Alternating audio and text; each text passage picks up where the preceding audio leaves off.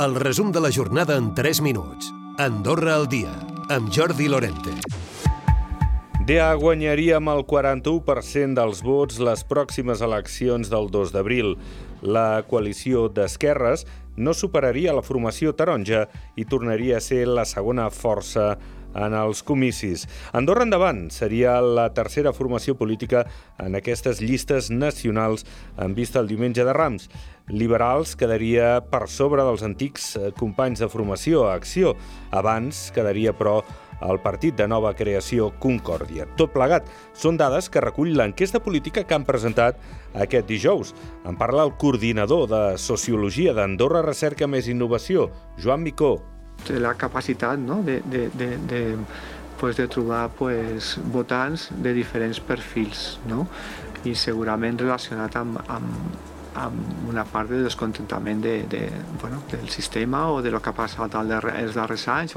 La banca andorrana no té exposició a Crèdit Suís, l'entitat bancària que ha entrat en crisi i ha generat pànic en el teixit bancari del continent.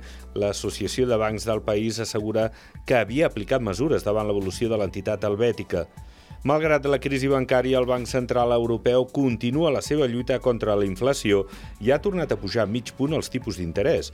Això sí, a diferència d'altres ocasions, aquest cop el BCE no parla de futures pujades. Amb aquest darrer augment, els tipus queden al 3,5%. I encara en clau econòmica, l'IPC del febrer s'ha situat en el 7,5%. Es confirma, doncs, la dada avançada. Un augment que es deu a l'encariment de l'alimentació, que ha estat de més del 10% els darrers 12 mesos. La inflació és més elevada que als països de l'entorn. Espanya ha estat d'un 6% i a França del 6,3%. I no pas que pot ajudar a desencallar el tercer vol a Madrid des de l'aeroport d'Andorra la Seu. L'Associació d'Agències de Viatge ha estat convocada a una reunió amb el govern i Ibèria dimarts que ve per resoldre dubtes com ara què passarà amb els bitllets no comercialitzats. En parlava el ministre de Presidència, Economia i Empresa en funcions, Jordi Gallardó. Encarem aquesta reunió doncs, amb, amb l'interès de poder tancar el que vam manifestar des del primer moment, no? doncs que hi ha una demanda eh, interessant per posar en marxa aquesta connexió entre setmana. Hem de mirar de si el, el que ja existeix com a tal encaixa i serveix doncs, perquè es pugui fer la, la comercialització a través de les agències de viatges del país, que és el que nosaltres sempre hem cregut que, que funcionaria, o a través de la compra directa.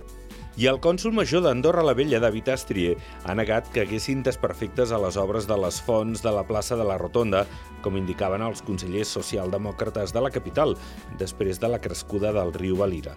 El cònsul major ha indicat que si els consellers de l'oposició no estaven informats, va ser perquè no van assistir a la reunió que van fer el mateix dilluns.